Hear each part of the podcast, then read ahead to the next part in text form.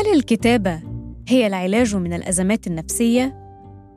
آه ربما الكتابة ساعدتني إنه أنا دائما عندي مشروع كتابة مشروع حلم مشروع كتابة. في أمريكا أكثر من 200 دراسة توصلت إلى أن الكتابة تساعد على تحسين الصحة النفسية للبشر. أشهر دراسة منها كانت في 1994 جمع الباحثون آلاف الأشخاص الذين مروا بصدمات نفسية في حياتهم. طلبوا منهم أن يكتبوا عن حياتهم الشخصية لخمس عشرة دقيقة يومياً على مدار أربعة أيام في الأسبوع. النتيجة أن هؤلاء الأشخاص زاروا الأطباء بمشاكل صحية أقل من غيرهم. هذا في أمريكا. فماذا عنك وعني؟ وماذا لو كنت عراقياً؟ أما لو بقينا نفكر فقط عما حصل وما عشناه في العراق أكيد مكاننا الحقيقي آه، مستشفى الأمراض العقلية. في عام 2007 أجرت منظمة الصحة العالمية دراسة واسعة في العراق. قابل باحثوها أكثر من أربعة آلاف شخص. تبين أن نوبات الاكتئاب الشديد شائعة بين العراقيين. وفي نظرة حديثة أكثر في 2020 قالت منظمة أطباء بلا حدود إن مستويات القلق في محافظة الموصل وصلت 70% أما الاكتئاب فطال 20% من السكان. آه، هو وهم أنا صنعته حتى أظل أركض وراء حتى أتجاوز صعوبات الحياة اللي شفناها بالعراق وأترك العقل توازن آه، لازم تنتظر لازم تقاوم بالحياة حتى تكتب شيء مهم. في هذه الحلقة من بودكاست فصول كاتب وسيناريست من العراق. دفعته معايشة الحروب والصراعات لكتابة أكثر من ثلاثين مسلسل عن تاريخ بلاد الرافدين. نتعرف على قصة دكان صغير غير حياته وكيف عشق الفن ولماذا يكتب في التاريخ تحديداً. حكاية الكاتب حامد المالكي في هذه الحلقة من بودكاست فصول. أنا دعاء فريد في الإعداد والتقديم. مع النروي فصول الحكاية.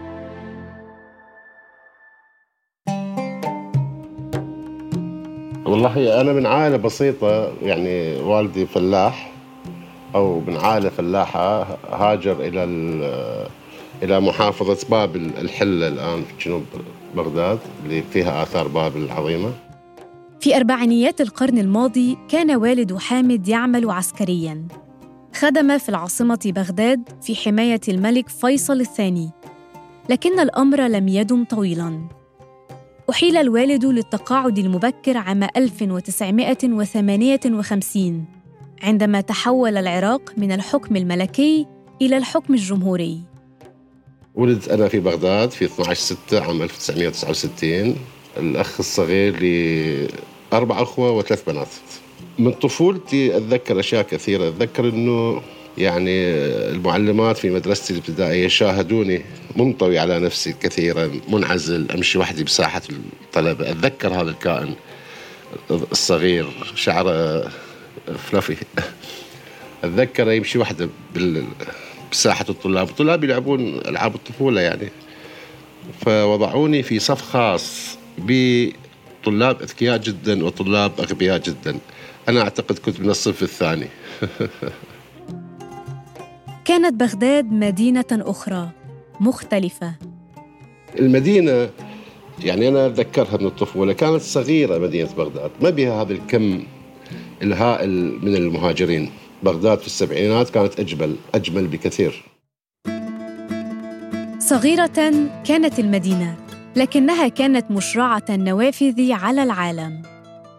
أخوي علي الآن فنان بيحب السينما. فكان مثل ياخذني لدور العرض السينمائية ويشوف عاده الأفلام الكاوبوي رعاة البقر يعني الأمريكية. من أرجع حديقة بيتنا كبيرة يعني من أرجع أسوي القوس والسهم مال الهنود الحمر. وأبدي أمثل بالحديقة ما شاهدته بالفيلم. أنا ما كنت أدري إنه إخواني واخواتي كانوا بيتفرجوا علي من وراء الستارة وبيضحكوا علي يعني. وأتذكر من شفت فيلم الرسالة للراحل مصطفى العقاد أتذكر عام 77 آه، من رجعت جمعت أصدقائي وبديت أمثل لهم آه، يعني مشاهد وحشي بالرمح. عشق حامد السينما وعالم الخيال منذ طفولته لكن الواقع لم يكن هينا. كنت طفل انطوائي حقيقة. رغم أن الحياة الطفولة اللي عشتها أنا وعاشها أقراني ما كانت هادئة لأنه أنا كان عمري 11 آه، سنة صارت الحرب العراقية الإيرانية اللي استمرت ثمان سنوات. فعندما ألعب أنا بالحديقة مال البيت أو بالمنطقة مع الصبية إحنا نسمع صوت الغارات الجوية والقصف الجوي. على هذه الأنغام وعلى رائحة البارود والدم آه، نشأت طفولتنا. الوسيلة الوحيدة للهروب الفن والقراءة. مكتبة اثرت عليها في البيت. هي مكتبة والدي ومكتبة إخواني. مكتبة بسيطة يعني مش كبيرة. هاي المكتبة هي اللي خلتني يعني فضولي خلاني أقلب الكتب. فلقيت أمهات الكتب بها الروايات والأشعار و... وبديت أقرأ. بعد الجيش افتتح والد حامد دكانا صغيرا. كان أبناؤه يساعدونه في إدارة المحل الصغير. هذا الدكان تحديداً كان له في حياة حامد أثر الفراشة. يعني كنت أضوج أنقهر أنه أروح المحل. الدنيا كانت حارة وما فيش أجهزة تبريد مثل الآن. كنت أساعد فترات الظهر أقرأ حتى أقضي الوقت الممل. آه، أقرأ فاكتشفت علي الوردي العالم الاجتماعي العراقي المهم في هذه الدكان الصغيرة. قرأ حامد في تاريخ العراق وفي تركيبة المجتمع العراقي اجتماعياً. كل هذه المعرفة تكونت لديه في سن مبكرة وساعدته لاحقاً.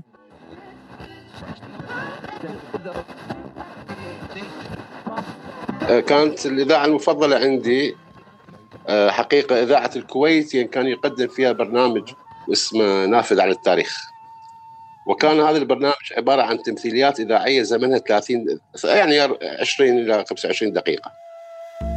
الحاضر غرس الماضي والمستقبل جني الحاضر والتاريخ سجل الزمن.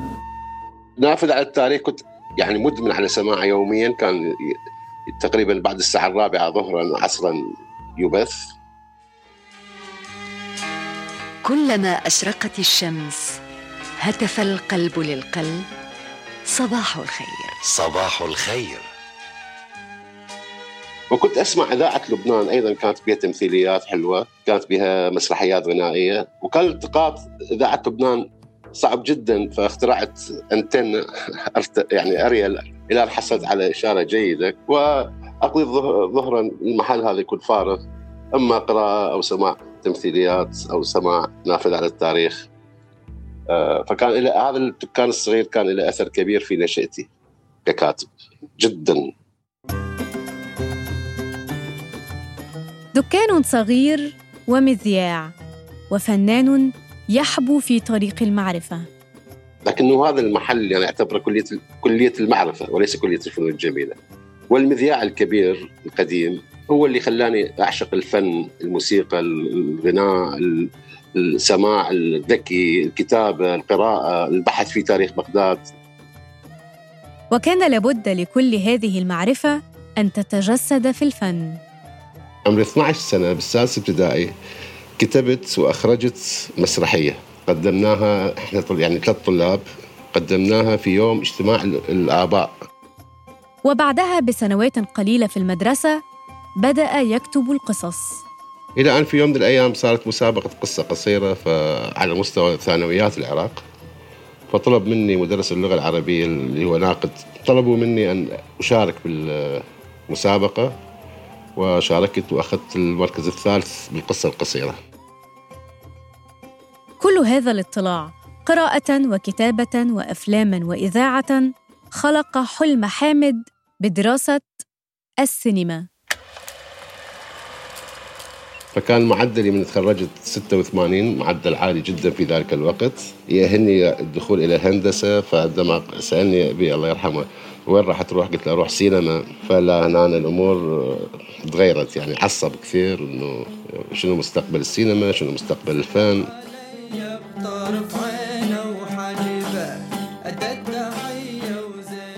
ورغم اعتراض الأب التحق حامد بكلية الفنون الجميلة في بغداد. كان يريد دراسة الإخراج السينمائي لكنه اكتشف شغفا آخر. رحت الكلية وكان مع أستاذنا جعفر علي الله يرحمه اللي أسس قسم السينما في كلية الفنون الجميلة وهو من المخرجين الرواد في العراق. آه، طلب من عندنا كان جانا درس السيناريو طلب من عندنا أول درس إحنا كل شيء بنعرف بالسيناريو. قال باكر كل واحد يكتب لي مشهد ويجي. شنو مشهد إحنا ما نعرف يعني. أنا سويت بحث على كم كتاب عندي عن السينما وعرفت شنو المشهد وكتبت مشهد. فوزع الأوراق للطلاب. أنا ورقتي آخر واحدة يعني. أنا صحني آخر واحد. أنت شو تريد تصير؟ جاي تدرس كلية فنون جميلة. قلت له أدرس اخراج سينمائي قال لا. أنت تصير كاتب سيناريو مهم. غيرت النصيحة حياة حامد. المسلسل الأول. كتب السيناريو قبل التخرج. وبعد التخرج شارك في كتابة مسلسلات وأعمال تلفزيونية عدة داخل العراق وخارجه. أنت تخطط لشيء تجد نفسك تذهب إلى شيء آخر فيه نجاح أكثر. المسلسل الأول الذي أنتج بالفعل مسلسل اللاهثون عام 1998 في الفترة ذاتها كتب حامد العديد من السيناريوهات التي أنتجت لاحقاً. إجمالاً كتب حامد أكثر من ثلاثين مسلسلاً تلفزيونياً. وكل هذه الأعمال كان بينها رابط واحد مشترك. كل مسلسلات العراق تاريخيا سياسيا اجتماعيا كل أعمالي تتحدث عن العراق. آه، يؤسرني تاريخ العراق وتحديدا تاريخ بغداد.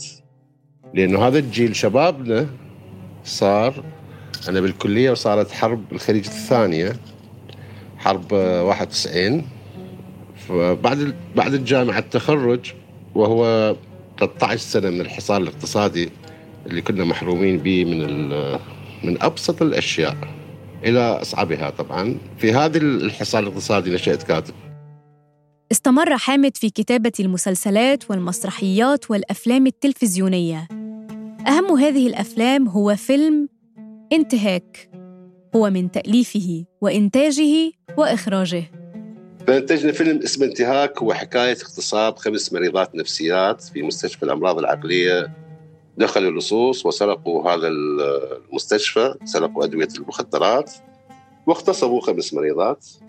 عملت فيلم اللي مثلوا الفيلم هم الأمراض هم المرضى نفسهم يعني كانوا ممثلين بالفيلم وحصلت به وهذا شرف لي وأنا المخرج العراقي الوحيد الذي يحمل هذه الجائزة آه، جائزة أفضل مخرج من مهرجان القاهرة للإذاعة والتلفزيون الحادي عشر عام 2005 وبالتوازي مع ذلك كانت لحامد المالكي تجارب صحفية عدة.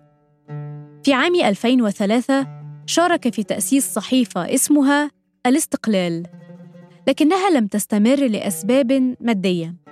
بعدها أسس مجلة مع وزارة الدفاع العراقية اسمها بلادي. هذه المجلة غيرت هي أيضاً حياة حامد. هدد تنظيم القاعدة حامد المالكي وزميله بالاسم لعملهما مع وزارة الدفاع العراقية. بعدها بأسبوعين قتل زميل حامد وسائقه. أمام حامد الآن خيار وحيد. في تلك الفترة 2006 لغاية 2008 كان الهروب من العراق حكمة. أنت المواطن الأعزل البسيط تواجه عدو يقتلك على الهوية إن كان اسمك حيدر أو عمر. قرر الهجرة بعائلته كلياً.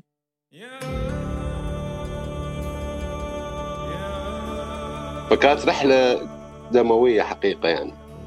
كانت آه، رحلة بالطائرة إلى محافظة سليمانية شمال العراق. أنا وأولادي الأربعة وزوجتي وأختي ومعانا شنط العائلة الكبيرة يعني. أنا كان في وقتها هجرة لا عودة فيها. آه، ومن السليمانية إلى شمال سوريا عبر البر بالسيارات. واضطرينا نخترق الموصل محافظة الموصل. وكانت فيها يعني قطع الرؤوس آه، شيء مهول.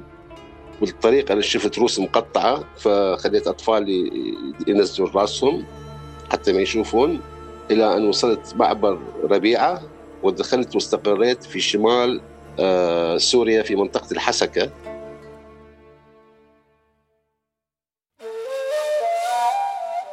عاش حامد هناك عامين. أريد أعيش أنا وعائلتي في مكان ريفي هادئ جميل بسبب الضوضاء اللي عشناها طول حياتنا. وأروح إلى دمشق مرة كل أربع شهور كانت الطريق ثمان ساعات بالبر بين الحسكه ودمشق.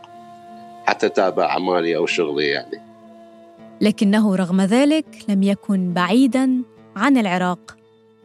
غروبا اصعد إلى السطح فإلى شمالي جبل تركي وأرارات يمكن اسمه وهيك شيء وإلى يميني جبل سنجار في الموصل. أقرب مهاجر سور إلى سوريا أقرب واحد أنا إلى العراق إنه أصعد بالسطح أشوف جبل سنجار. آه، أريد يبقى عندي رابط ولو بصري بيني وبين بلدي. وحتى في ذلك الوقت لم ينقطع حامد عن الكتابة. كانت وسيلته للبقاء. خمس أعمال من أجمل ما كتبت ومن أصدق ما كتبت ومن أكثر الأعمال التي أسأل عنها إلى اليوم إن كان في جزء ثاني هي الأعمال اللي كتبتها أنا في الحسك بعدها بعامين عاد حامد بعائلته إلى بغداد ورجع وحيداً إلى دمشق. بقي هناك حتى 2011 إلى أن اندلعت الأزمة والحرب. فاضطر إلى الانتقال مجددا إلى بيروت هذه المرة وبعدها بسنوات قليلة عاد إلى العراق. صار عندي من اذا أخرج من بغداد ليوم أو يومين آه، أشعر بالغربة. صار منطقيا الآن الرابط المشترك بين كل المسلسلات التي كتبها حامد وعلاقتها بتاريخ العراق. ارتبطت محطات حياته بفصول فارقة في التاريخ العراقي. حتى الكتب التي تأثر بها مرتبطة بالتاريخ. آه، يمكن أنا أكثر واحد كتب مسلسلات عن تاريخ بغداد. بل أكيد أنا أكثر واحد كتبت. ومن هاجرت إلى سوريا كان الكتاب الوحيد اللي أخذته معي هو لمحات اجتماعية من تاريخ العراق المعاصر. السبعه سبعة أجزاء هذه الكتب هذا الكتاب. تاريخ الدولة العراقية من ما قبل الاحتلال البريطاني 1914 وما قبله وصولا إلى 1927 لكنه تناول التاريخ من وجهة نظر اجتماعية. علمني كيف أفكر بالمجتمع اللي أعيش فيه. أعظم كتاب يخليني أشعر تفاهة كل منجز ينجز الإنسان بالحياة وبتفاهة الحياة نفسها. وبنفس الوقت أحصل عليه على متعة معرفية باللغة والأدب والفصاحة. وأعتبره آه، علاج مضاد للاكتئاب. هو كتاب نهج البلاغة للإمام علي. وفي الخمسين صفحة جديدة ومختلفة. الخمسين أنا أعتبره هذا العمر أعتبره جسر. ما ما عشناه وما سنعيشه. يوثق حامد المالكي هذه التجربة الحياتية التي عاشها في كتاب الحياة قبل الخمسين. لا تبحث عنه في المكتبات. هذا الكتاب لم ينشر بعد. والسبب في وجهة نظر حامد هي القيود التي يقول إنها تكبل الكتاب في المنطقة العربية. وهو آه، قيد حقيقي آه، ملفوف على إيد الكاتب العربي اللي هو قيد التابو الثلاثي المعروف الجنس والدين والسياسة. آه الأعمال العربية حتى الرواية منها. آه وصراعاتها متكررة وأزمات أبطالها متكررة. لكن تظل الكتابة منقذا وعلاجا نفسيا في أوقات الأزمات والصراعات والحروب. المقاومة من أجل البقاء. ربما الكتابة ساعدتني إنه أنا دائما عندي مشروع كتابة، مشروع حلم، مشروع كتابة، ربما هذا المشروع اللي الذي لحد الآن أنا لم أنجزه دائما أقول ويا نفسي أنت لم تنجز المشروع، حتى أبقى أحلم دعاء إنه حامد كن متوازن من أجل مشروع الكتابة. تركة وراك. أقول أنا عندي حلم إنه أكتب شيء عظيم. أنا أستمر بالكتابة ما راح يطلع شيء عظيم. كتابة عادية زي أي كتابة. لكن دائما آه، آه، اعزي النفس أو آه، لازم تنتظر لازم تقاوم بالحياة حتى تكتب شيء مهم. بالنسبة أتحدث عن المجتمع العراقي. حروب حربين إرهاب مستمر إلى اليوم. ترى هذا الخراب وما تركه في نفسيتك أنت كإنسان. فتحمد الله وتشكره أنك وصلت إلى الخمسين. كانت هذه فصولا من قصة الكاتب العراقي حامد المالكي. أنا دعاء فريد في الإعداد والتقديم وهذا بودكاست فصول. نروي معا فصول الحكاية.